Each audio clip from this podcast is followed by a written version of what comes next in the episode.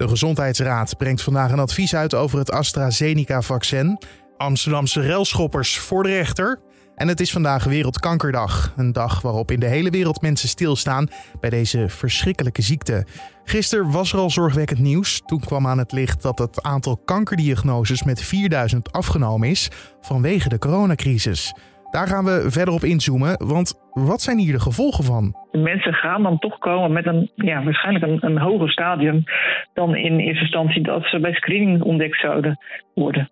Oftewel, ze gaan zwaardere behandelingen krijgen en ook overlevingskansen zijn natuurlijk daardoor wel minder. Dat was alvast een kleine hint naar het gesprek wat ik had met Karin Elder Groot. Zij is hoogleraar evaluatie van de zorg aan de Erasmus Universiteit. Wat de coronacrisis doet met een zware ziekte zoals kanker, dat hoor je zo van haar.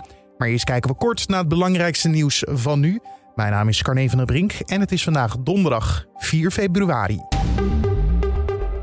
De Gezondheidsraad blijft bij het standpunt dat de tweede dosis van het Pfizer-vaccin veilig kan worden uitgesteld tot zes weken na de eerste. Het kabinet had de Gezondheidsraad gevraagd zich opnieuw te buigen over de periode tussen de twee prikken, nadat het Europese Geneesmiddelenbureau vorige week aanraadde om de tweede dosis na drie weken toe te dienen. Het kabinet wil de periode tussen de twee doses uitbreiden, zodat meer mensen kunnen worden ingeënt met het beschikbare vaccin. Als er geen schaarste is, is het wel beter om de tweede prik na drie weken te geven. Al dus de Gezondheidsraad. Leerlingen gaan vaak naar middelbare scholen waar ze vooral kinderen met vergelijkbare achtergronden treffen. Dat constateert het Sociaal en Cultureel Planbureau. Deze situatie kan volgens de organisatie uiteindelijk leiden tot grotere afstanden tussen groepen in de samenleving. Vooral in de grote steden zijn ontmoetingskansen tussen VWO'ers en VMBO'ers klein, omdat leerlingen verspreid zijn over verschillende scholen. De onderzoekers roepen scholen en gemeenten op om brede scholen op te zetten of dat te stimuleren. Eind vorig jaar werkte bijna de helft van de werknemers thuis. Van de werknemers die niet of niet volledig thuiswerken, zegt 1 op de 7 dat wel te kunnen, maar dat van de baas niet te mogen of zelf niet te willen. Dat blijkt uit een gepubliceerd onderzoek van TNO over werken tijdens de coronacrisis. Het thuiswerken bevalt over het algemeen wel, hoewel de thuiswerkplek wel voor verbetering vatbaar is. Zo laat 45% van de thuiswerkers weten dat extra middelen nodig zouden zijn om een goede werkplek te creëren. Het aantal mensen dat is gevaccineerd tegen COVID-19 is sinds woensdag groter dan het aantal mensen dat besmet raakte met het virus. Bijna 105 miljoen prikken zijn inmiddels gezet, wat het wereldwijde aantal besmettingen van 104 miljoen overtreft. Dat blijkt uit data van de University of Oxford en persbureau Reuters. Het is volgens het persbureau nog niet in te schatten hoe lang het duurt voordat de hele wereld is ingeënt, omdat de productie en de distributie van de vaccins in de komende weken mogelijk zal veranderen. Overigens heeft een groot deel van de gevaccineerden pas één van de twee vereiste prikken gekregen en is dus nog niet volledig beschermd. En zoals je mij aan het begin van de podcast al hoorde zeggen, is het dus vandaag Wereldkankerdag. Deze dag is door de Union for International Cancer Control uitgeroepen tot Internationale Bewustwordingsdag.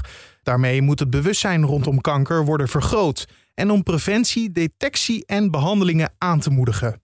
Zo werden er vorig jaar in Nederland bij 115.000 patiënten kanker vastgesteld. Deze daling komt volgens het Integraal Kankercentrum Nederland door de gevolgen van de coronacrisis. Daarover praten we verder met Karin El de Groot, hoogleraar evaluatie van de gezondheidszorg aan de Erasmus Universiteit.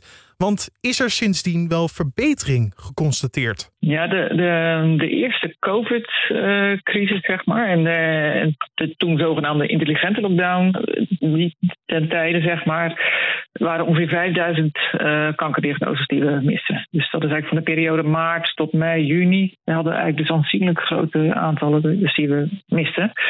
Um, wat we nu zien in het tweede cohort. Eigenlijk in de zomer zagen we eigenlijk dat het wel een aardig eind ook, zeg maar. En nu, ook, nu zien we wel dat het uh, niet meer achterblijft. Dus eigenlijk de grootste aantal dat we gemist hebben, zeg maar, is vooral uit het, uh, uit het eerste, uit de eerste crisis. De eerste, golf. En kan je zo'n achterstand of uh, misgelopen uh, diagnoses inhalen? Of ja, kan dat gewoon ja, voor niet? Een, ja, wat we zien is eigenlijk dat we toen dus zeg maar rond de 5000, nu zitten we dus op 4000 uh, over het hele jaar, zeg maar. En dat is ongeveer dat je, je kijkt dat je jaarlijks normaliter 115.000 nieuwe kankerdiagnoses stelt, is het ongeveer 3,5 procent. Dus dat, dat gemist is. En uh, ja, waarvan we eigenlijk niet weten wanneer die mensen dan wel uh, gaan komen. Want die komen dan natuurlijk in latere stadia komen die naar voren. Wat je dus niet in gaat halen, is denk ik dan vooral ook de, de hoogrisicopatiënten. Als, als daar geen inhaal is dan, is, dan hebben die mensen gewoon een slechte uitkomst of zijn zelfs al overleden. Omdat het eigenlijk al het kwaad is geschied. Dan ben je eigenlijk gewoon te laat. Ja. Een deel is dat we dus missen is door screening, die eh, natuurlijk uh, toen stopgezet is. Die is op een gegeven moment wel weer opgestart. Uh, we beginnen bijvoorbeeld mij met darmkanker in, uh, ergens in mei. En in juni ook bijvoorbeeld de borstkanker screening. Maar dat gebeurde eigenlijk gefaseerd. Dus nog steeds hebben minder mensen ook een, een uitnodiging, uh, ook op dit moment nog. Ja. Voor bijvoorbeeld borstkankerscreening. Dus daar zie je natuurlijk een inhaalslag.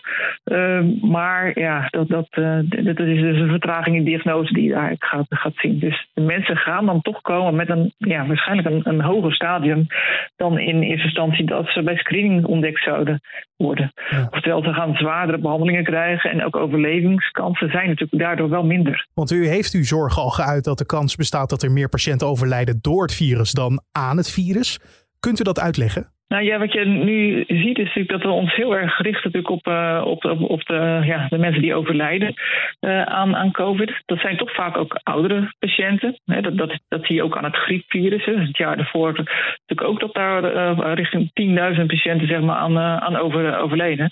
We hebben absoluut niet zeggen dat COVID hetzelfde is dan, dan het griepvirus. Want heel, heel de impact op alles en op, ook als we niks zouden doen, zou nog veel groter zijn. Dus ik bedoel, alle maatregelen enzovoort, daar wil ik ook niet aan, eh, aan onder eh, doen.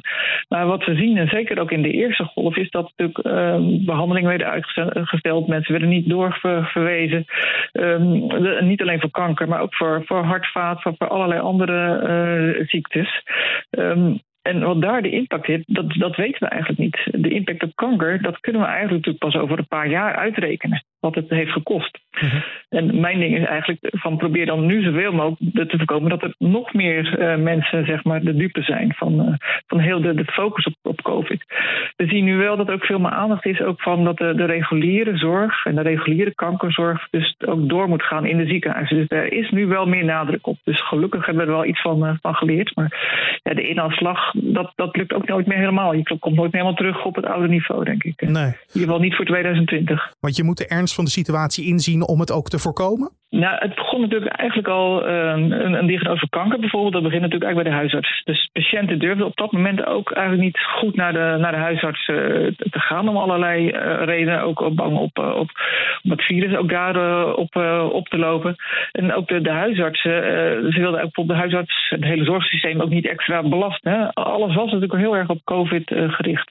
We zagen ook bijvoorbeeld dat huisartsen naar de ziekenhuizen. Er waren vorig jaar 900.000 minder verwijzingen. Ook bijna 900.000 van huisarts naar ziekenhuis. Dus daar zit natuurlijk op een of andere manier, daar ga je dus patiënten door missen of diagnoses door missen. En behandelingen, eh, die worden later ingesteld daar, uh, daardoor. Ja.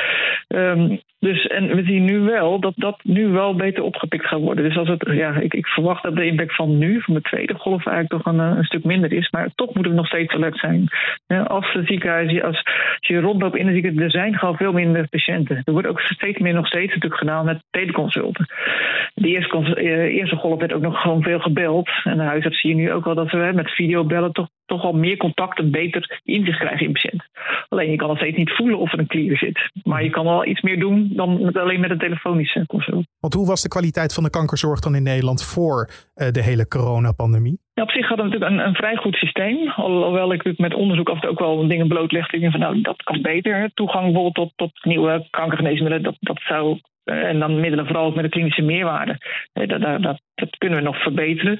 Um, we, kunnen nog meer doen, bijvoorbeeld met de, de gepersonaliseerde zorg. Uh, we gaan natuurlijk steeds uh, meer onderzoek en, en, behandelingen doen op basis van genmutaties. Nou, dat zouden we dus op grotere schaal kunnen toepassen. En daar zijn we ook mee bezig. je ziet nu ook wel dat bepaalde onderzoeken ook nu vertraagd worden. Doordat alles gefocust is en alle zorgmensen bezig zijn met het bestrijden van, van COVID. Want welke stappen moeten er dan nog genomen worden om wat u betreft zo'n situatie als deze uh, te voorkomen? En er zijn denk ik al goede stappen gemaakt. Wat ik zeg, we zien nu ook wel, we hebben ook geleerd gelukkig van de, van de eerste golf. Wat we, wat we nu zien aan, aan, nieuwe stappen is eigenlijk dat ik belangrijk is dat mensen zo snel mogelijk worden ingeënt. Dat mensen met kanker, dat je de, de chemokuren gewoon niet met lagere doseringen, niet met uitstel van kuren. dat we daar zeg maar alert op zijn. Dat we dat gewoon veel beter aan blijven pakken dan tijdens de eerste golf. Ik denk vooral de eerste golf waren we allemaal ook verrast. Dat geldt ook op heel veel gebieden. En dat was natuurlijk ook voor, voor, uh, voor de kankerzorg. Dus ik denk dat we in die tweede golf daar al uh, veel van geleerd ook hebben. Dus de invloed is in ieder geval nu al wel veel minder dan dat het geweest helaas is vorig jaar. En natuurlijk zijn de handvaten voor zo'n ziekte als kanker belangrijk. De goedkeuring van medicatie neemt in Europa vaak veel tijd in beslag. We hebben nu met het coronavaccin gezien dat goedkeuring, als die wil er is, zeer snel kan verlopen. Is dit dan ook positief nieuws voor toekomstige andere medicijnen? Nou, dat, dat, hoop ik wel. Daar ben ik ook, uh, eigenlijk wil ik een beetje naartoe dat we naar een meer efficiëntere uh, geneesmiddelenontwikkeling gaan. Hè. Dat duurt nu gemiddeld tien jaar en dan duurt nog even bij de EMA nog een jaar. Dan lopen we ook toch wel, wel wat op achter. Daar kunnen we ook echt in versnellen. Maar als bij de EMA is, dan is het nog niet in, uh, in, in de Europese landen. Dan, dan is het nog niet beschikbaar. Ook daar gaat nog weer een proces. En daar kunnen we ook zeker slagen in, in maken. En zoals je nu ziet, is dat het kan. En we hebben het geluk gehad natuurlijk met het vaccin dat we niet van scratch af aan moesten beginnen. We, wisten al veel over het, uh, over het virus, dus we konden daar al wat stappen gelukkig over uh, slaan. En je ziet ook met zo'n rolling review, hè, zoals dat proces zoals het nu gebeurt bij de, bij de EMA. Dus eigenlijk het versneld beoordelen met tussentijdsresultaten zie je dus dat het gewoon heel snel kan gaan. Met, en je ziet ook eigenlijk dat prijzen ook gewoon onwijs naar beneden zijn gegaan. Um, en dat veel mensen dus toegang, als de vaccinaties geleverd worden, maar dat is weer een andere issue uh, natuurlijk. Uh, maar dat dat kan. Dus ik hoop zeker ook dat het voor, voor, voor, voor kankergeneesmiddelen ook ja, van geleerd gaat worden. Dat het, als we gezamenlijk zien hoe belangrijk iets is, dat we veel sneller resultaten kunnen, kunnen behalen. En ondanks de heftige berichten die we nu voorbij zien komen, hoe kijkt u dan naar de toekomst? Nou ja, als je kijkt natuurlijk wat we al de afgelopen tientallen jaren al bereikt hebben in kankerzorg. De overleving is natuurlijk echt al stukken beter dan, uh, dan vroeger. En we worden natuurlijk ook allemaal steeds ouder. Dus dat is ook, ook een van de redenen ook dat het aantal patiënten jaarlijks ook steeds om, omhoog ook, uh, gaat. Maar ik denk dat we zeker niet alleen met geneesmiddelen, maar ook zeker op, op chirurgie, met radiotherapie, op allerlei gebieden gaan we eigenlijk steeds meer winnen het is wel zo dat de zorg steeds gepersonaliseerder wordt. Dus het doen van onderzoek wordt daardoor ook weer moeilijker. We hebben niet meer grote groepen, want we hebben nu een patiënt met een bepaalde genmutatie. Of een aantal patiënten. Dus je, moet daar op een andere manier, denk ik, ook een manier van onderzoek gaan doen. om daar ook weer uh, ja, goede resultaten uh, te kunnen, kunnen behalen. Dat was Karin Elde Groot, hoogleraar evaluatie van de zorg aan de Erasmus Universiteit Rotterdam. En dan vertel ik je nog even wat er verder te gebeuren staat vandaag. De Gezondheidsraad brengt vandaag advies uit over de inzet van het onlangs door het EMA goedgekeurde vaccin van AstraZeneca en de Universiteit van Oxford. Op basis van dit advies wordt bepaald welke doelgroep als eerste in aanmerking komt voor dit vaccin.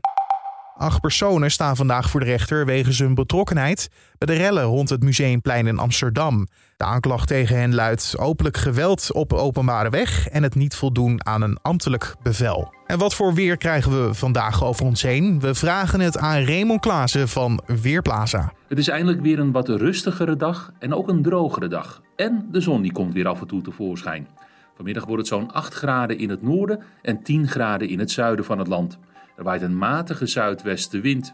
In de loop van de dag is er slechts een kleine kans op een enkele bui. Op verreweg de meeste plaatsen blijft het droog. Dankjewel Remo Klaassen van Weerplaza. En om af te sluiten nog even dit. De pinguïns en zeehonden die leven op het eiland Zuid-Georgië in de Zuid-Atlantische Oceaan zijn ontkomen aan een natuurramp.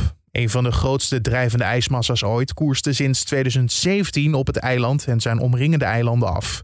Uit nieuwe satellietbeelden van de Europese ruimtevaartorganisatie ESA blijkt echter dat de ijsberg vorige week in stukken is gebroken en langs de eilanden zal drijven. Hierdoor komt het leven van de dieren niet meer in gevaar. Toen de ijsberg in 2017 afbrak, was de schots ongeveer even groot als de provincies Noord-Holland en Utrecht samen. En met dit opmerkelijke feitje sluiten we deze podcast af voor de donderdag 4 februari. Vanmiddag zijn we weer terug met de ja, kortere versie van deze podcast. Dan praten we hier beknopt bij over het nieuws van de dag. Dat hoor je vanmiddag in dezelfde feed als deze of op de voorpagina van nu.nl. Je weet ons te vinden gewoon in Spotify, Apple Podcast of Google Podcast of dus op de voorpagina van nu.nl. Maar je kan je gratis abonneren op de podcast en zo mis je geen aflevering. Dus doe dat vooral. Mijn naam is Carne van der Brink. Ik wil je hartelijk bedanken voor het luisteren en hopelijk tot de volgende.